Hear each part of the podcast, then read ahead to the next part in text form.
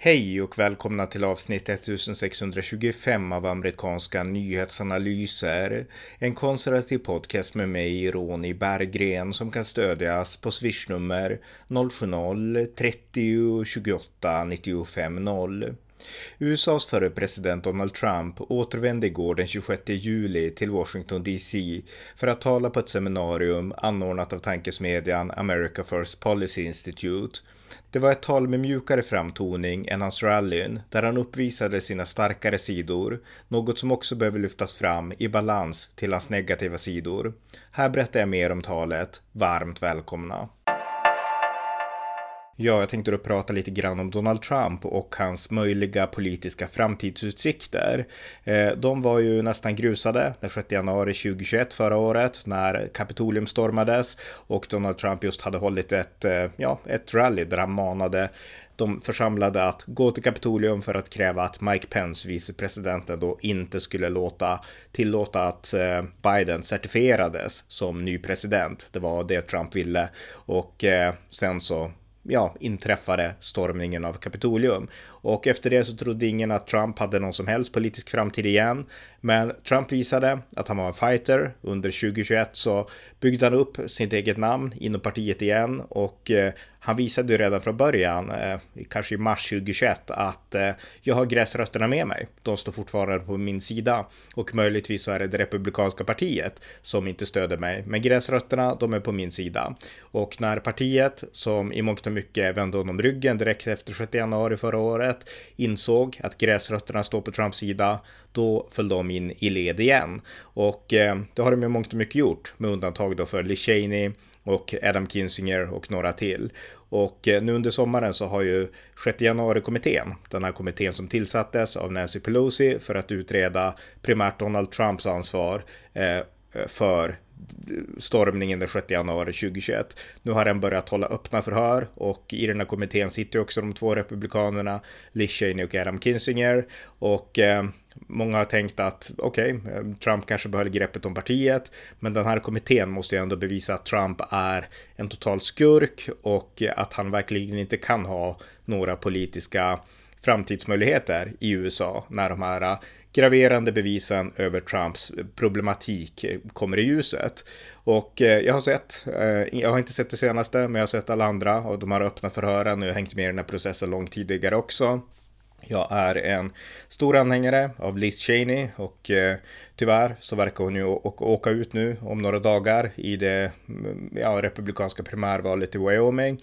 Men jag gillar henne och jag tycker att den här kommittén gör ett viktigt jobb. Och kommittén har ju lyft fram tydligt att eh, Trump lyssnade på fel rådgivare, att Trump ignorerade fakta, att eh, Trump agerade mycket ansvarslöst, med betoning på mycket ansvarslöst. Allt det här har framkommit tydligt och det har framkommit inte enbart nya saker. Jag skrev en artikel faktiskt direkt tio dag några dagar, den 10 januari 2021, några dagar efter stormningen av Kapitolium, som heter Sagan om kraken, Trumps valfusk-konspirationer debunkade, där jag steg för steg går igenom hans prat om valfusk och eh, debunkar det. Den artikel på 60 sidor ungefär. Och eh, nästan allt som togs upp och som har tagits upp av 6 januari-kommittén har jag redan gått igenom kan sägas. Så att eh, det som har tagits upp här är inte jättemycket nytt för mig. Men däremot så är det detaljer som är nya som visar verkligen att Trump har agerat ansvarslöst.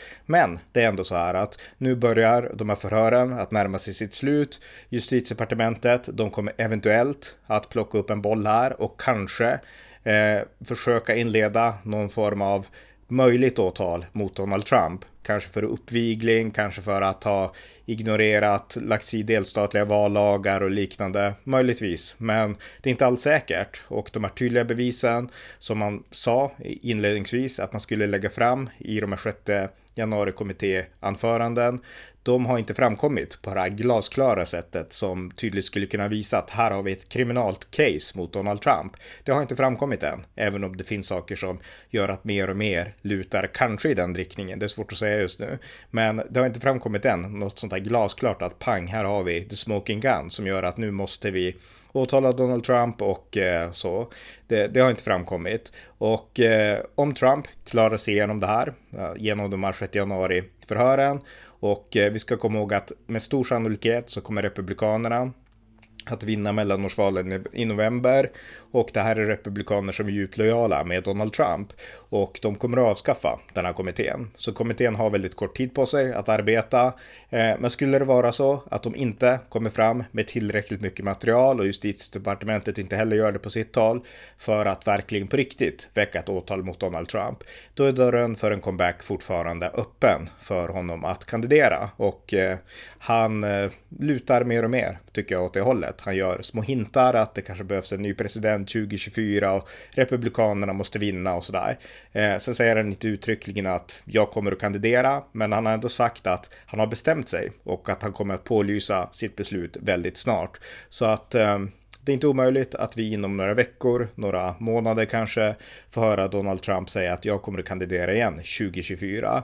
Och eh, av den anledningen så är det värt att verkligen förhålla sig lite nyktert till Donald Trump. Jag tillhör ju de här som stödde Trump som president. Jag endorsade honom i mars 2016 eh, under primärvalet där och eh, som president så försvarade jag honom mot alla orättvisa attacker. Sen efter den 3 november 2020 så granskade jag Trumps eh, eh ah, Trumps teser om valfusk och ansåg att han hade fel och eh, sen dess har jag kritiserat det Trump har gjort fel.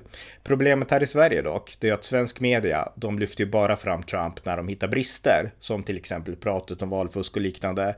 Men de saker som Trump gör bra och där han gör helt korrekta analyser av samtiden och av världen, det ignoreras. Jag menar, det finns många exempel på det, till exempel nu när det pratas mycket om Putin, Ukraina och hotet från Ryssland.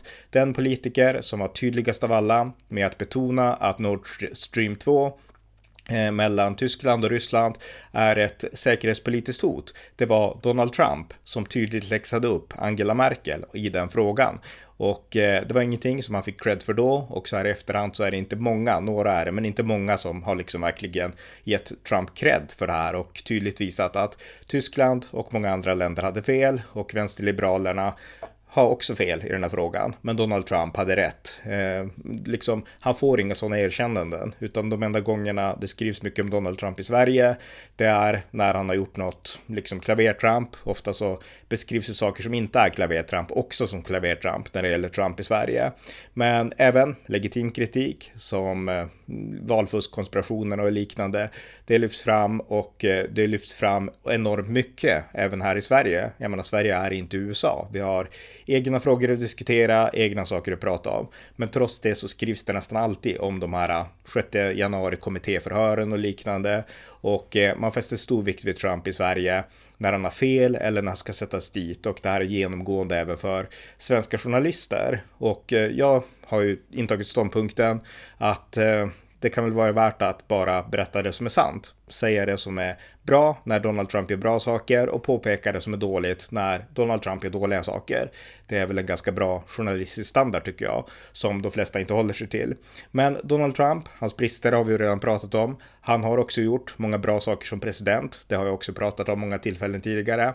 Men faktum är att han också fortfarande en väldigt bra förståelse för vad som är USAs verkliga problem. Och den förståelsen har inte Demokraterna. Och det som fick mig att tänka på det och eh, som fick mig att få idén att göra den här podden, det är att Trump då höll ett tal igår, den 26 juli, eh, på Eh, America First Policy Institute, den här nya organisationen eller tankesmedjan som grundades 2017 och som har som syfte att värna Trumps eh, politiska legacy även in i framtiden och även efter Donald Trumps presidentskap. Och eh, det var där han talade och eh, han målade en bild av USA som ett land som när han var president så gick ekonomin bra. Då var man energioberoende de, de illegala korsade inte gränsen, städerna var säkra. Nu, bara ett och ett halvt år senare, så är det kaos. Illegala kors, korsar gränsen i massvis. Laglösheten som har kommit in i de amerikanska städerna är enorm. Poliserna är bakbundna av liberala politiker som inte låter dem vara poliser. Ekonom, ekonomin har kollapsat och USA tigger energi från andra länder. Så att Trump målade i det här talet en oerhörd kontrast och han sa att för MAGA-rörelsen, Make America Great Again-rörelsen, alltså hans egen, rör, egen rörelse, så är det här oacceptabelt. Så här sa Trump. In the Make America Great Again movement We believe that every citizen of every background should be able to walk anywhere in this nation at any hour of the day without even a thought of being victimized by violent crime. If we don't have safety, we don't have freedom, we don't have a country. America first must mean safety first. We have to have safety. Och eh, jag tycker att Trump här fångar in det som är väsentligt eh, när man ska analysera amerikansk politik. Jag menar, han, han påpekar och påvisar verkligen att Demokraterna får allt fel. De har fått allt helt upp och ner och eh, de tror verkligen att det viktiga är att se till att polisen som begår övervåld straffas eller poliser som kanske nästan bör gå övervåld, att de också straffas och liksom shamas och sådana saker. För Demokraterna är det viktigare än att stoppa brottsligheten på gatorna. För Demokraterna är det viktigare att ha någon fantasi om öppna gränser än att se till att illegala inte kommer in i USA. Och de här som har de här fantasierna, de skulle aldrig liksom låta de här illegala komma in på deras egen gräsmatta. Men att de springer omkring på andras gräsmattor och förstör och eh, utgör allvarliga hot mot USA, det bryr de sig inte om. Så att Donald Trump, han sätter de här problemen i perspektiv. Han gjorde ju det som president, men han gör det fortfarande. Och eh, han eh, ja, han tryckte verkligen på de här sakerna som Demokraterna verkligen på största allvar får fel. Och eh, han berättade också att eh, vi har ett USA där liberaler tänker på något sätt att man kan inte liksom man kan inte tvinga människor, man kan inte liksom förhindra människor att röra sig fritt och göra vad de vill och sådana saker. Och konsekvensen av det, det är att vi nu har städer i USA, klassiska städer som San Francisco, men även Washington DC, där eh, liksom stadsmonumenten är ockuperade av tältläger där det bor hemlösa, knarkare och liknande. Och det går inte att gå på gatan utan att de här finns överallt. Och Trump berättade att när det kommer in internationella dignitärer till Washington DC, då blir de chockade och förvånade och tänker vad, vad, vad gör USA med sig själv? Och eh, Trump förklarade att eh, man kan inte ha hemlösa som liksom ränner runt och bara gör vad de vill för att ingen sätter stopp. Och han nämnde en känd, eh, Eh, jag tror Nascar eh, rallychaufför som heter Bobby East som mördades häromdagen av en hemlös eh, i USA. Eh, och han berättar om andra exempel när hemlösa knarkare som bara Eh, glider runt i de här städerna när de attackerar folk och sådana saker. Så att människor nu, de går från sina hem, förklarar Donald Trump till sina jobb. De går snabbt för de vill inte stanna utan de vill ta sig fram och tillbaka och sen så gör de sitt på jobbet, sen går de hem och gör sitt hemma. Men de här offentliga rummen, det är liksom inte allmänhetens rum längre, utan de är ockuperade av hemlösa, av mentalt sjuka, av eh, våldsverkare, av eh, drogberoende och liknande. Och eh, inget civiliserat samhälle kan ha det så här, förklarade Donald Trump. Och sen sa han att vi borde bygga tältläger utanför städerna där vi skickar de här människorna och där vi hjälper dem, där vi har doktorer, psykiatriker, behandlingsläkare som gör bedömningar och sen skickar dem till olika institutioner och liknande, sa Trump. Så måste vi göra för att styra upp det här, men vi kan bara inte låta städerna förfalla som vi nu gör. Och eh, jag tycker att det här var ett eh, utmärkt eh, tal där han verkligen satte fingret på de här problemen, för det är ett faktum. Och det är problem som Demokraterna helt ignorerar. De ser dem inte och de ignorerar dem. Men det här är en verklighet som Trump betonade och som han målade i det här talet en väldigt bra bild av. Jag, menar, jag har sett Trumps rallyn, många av dem. Jag gjorde en podd veckan när han var i Alaska och då betonade han mycket mer. Det här, det här om valfusk och liknande och han vill att människor ska vara lojala mot honom och han, han pratar absolut också om gränsen och om de här viktiga sakerna. Men det är också väldigt mycket valfusk och mycket saker som man tänker att du borde släppa det där Trump. I det här talet på American eh, Policy Institute så la han större betoning på liksom sin problemanalys än på valfusk och liknande. Och det var det som gjorde det här talet så bra tyckte jag. Eh, Trump pratade också om det som händer med i skolor och liknande och eh, transgenders och hotet mot kvinnor i damidrott och eh, vi kan spela ett klipp. Trump sa så här om den saken. And by the way, we should not allow men to play in women's sports. So crazy. It's crazy. I tell the story of the great swimmer, great female swimmer, wonderful woman, beautiful woman. She's been swimming for many years. She wants to break the world record. And she's at the pool and she wants to break it by an eighth of a second. That's like fast. And she's going to do it. She's getting ready. And she looks down. She sees all people she's been competing with for years because they rise to the top. And she looks over here and she sees people. But then she looks and she, you know, they call this, they say this. She sees somebody with a man's body. That's what they do. They call it. I said, You think it's okay to say that? That's actually the expression they're using. They'll change that soon, so I have to do it quickly. I have to say because they're going to change. And you know the guy, he was named Female Athlete of the Year. Did you know that? It's true. He was just named female. We're not dealing with things that are so easy here, Newt. This is a difficult, crazy world. You'd almost say, is the world going crazy? Because 99% of the things I'm saying are common sense. But she looks over and sees her friends down there, and then she looks, and this guy is massive. He's got a wingspan, he's got arms that are 30 feet long. And I always say, and she was seriously injured during the meet because he swam so fast that he gave her major wind burn as he went by. And uh, she didn't break the record, but he broke the record that day. You know what the number was? 38 seconds. So she wanted to break it by an eighth of a second, and he broke it by 38 seconds. Or the weightlifter, I think it was like 218 pounds. And that's a lot. I can't lift it. I don't know who can. Any of our ex Trump people, they're all Trump people. Kevin's saying he can lift it. I don't know about that, Kevin, but that's a lot. 218 pounds, and she got over that weight, and she was going to break it. They put a half an ounce here, half little tiny ring on top of these big barbells, dumbbells. And they go, and she went like this, and she got to break. Stood for 11 years. Uh, and her mother and father are screaming, You got it! You got it, darling. I'm so proud of my girl. ah, uh, ah, ah. Well, she couldn't do it. And then this guy comes along. He's named Alice. And he looks at the weight.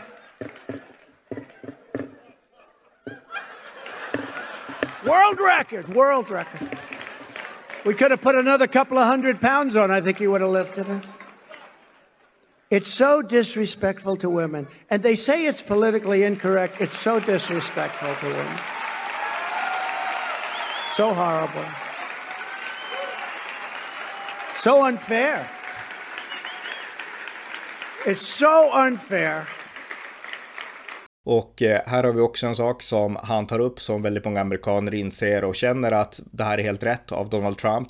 Demokraterna, de är inte ens på banan. Eh, det här är ett klipp från vicepresident Kamala Harris där hon tog emot ett gäng eh, gäster, tror jag. Jag vet inte om de kom internationellt, men hon betonade då att jag är en kvinna och jag ska kallas her och she, sa hon.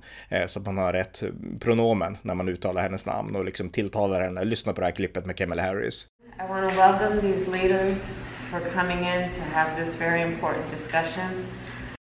I am Kamala Harris. My pronouns are she and her. I am a woman sitting at the table wearing a blue suit.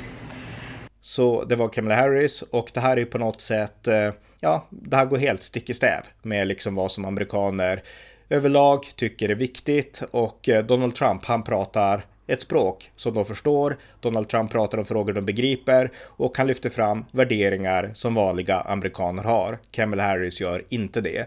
Och den här kontrasten ger Trump en enorm potential att göra comeback. Därför att nu har Joe Biden fått sin chans, Kamala Harris har fått sin chans och alla kan nu se och veta att de var inte folkliga. Kamala Harris visste alla inte var folklig. Det, lärde de, det förstod de på, i primärvalet. Men hon valdes ju ändå till vicepresident av Joe Biden.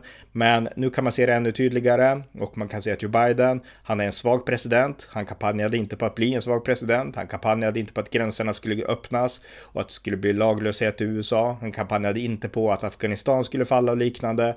Men konsekvenserna av hans politik, det är allt det här. Och eh, det syns nu tydligt hos den amerikanska allmänheten och inte minst bland mittenväljarna.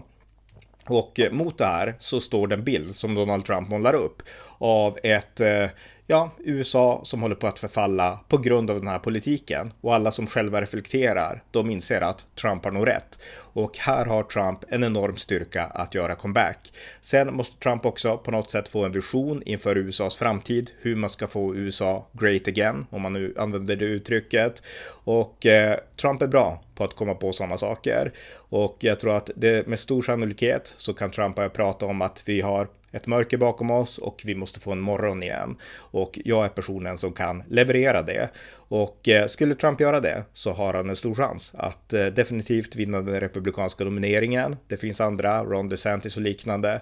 Men just nu så är det ju bara i tidigt stadium, även om de leder i vissa delstater. Så Trump, om han väl kampanjar, så tror jag att hela partiet med vissa enskilda undantag kommer att sluta upp bakom honom igen. Därför att man är så trött på Demokraterna. Och eh, när man har följt de här eh, 6 januari kommittéförhören så har jag blivit mycket bekymrad över det som har framkommit. Men man får också en förenklad bild om man bara tror på den här bilden som på något sätt ändå målas i svensk media av att titta Donald Trump, han är så galen och liknande. Ehm, det är inte det här som vanliga amerikaner ser. Det är inte det här som hans parti ser i första hand, utan i första hand så ser de att det här är en person som hanterar verkligheten, verkliga frågor som vi är intresserade av. Medan demokraterna drar iväg på i liksom någon slags social justice-krig för transgenders. Medan energipriserna skenar och eh, vi befinner oss i ett, ja, ett krigstillstånd i alla fall. Dels kriget i Ukraina men också en ökad upptrappning med, med Kina och liknande. Så det är sånt som är viktigt på riktigt. Och eh, det är någonting som Demokraterna inte ser och inte bryr sig om, utan de har huvudet helt i det blå. Så att jag tror att Republikanerna, de kommer att ha överseende med 6 januari-kommittén och med dess slutsatser. Eh, det var jag inte lika säker på i början av sommaren, men nu när det här börjar dra ut på tiden och eh, det har framkommit allvarliga saker, men inte det här tydliga kriminalcaset mot Trump, för det har inte framkommit än skulle jag säga.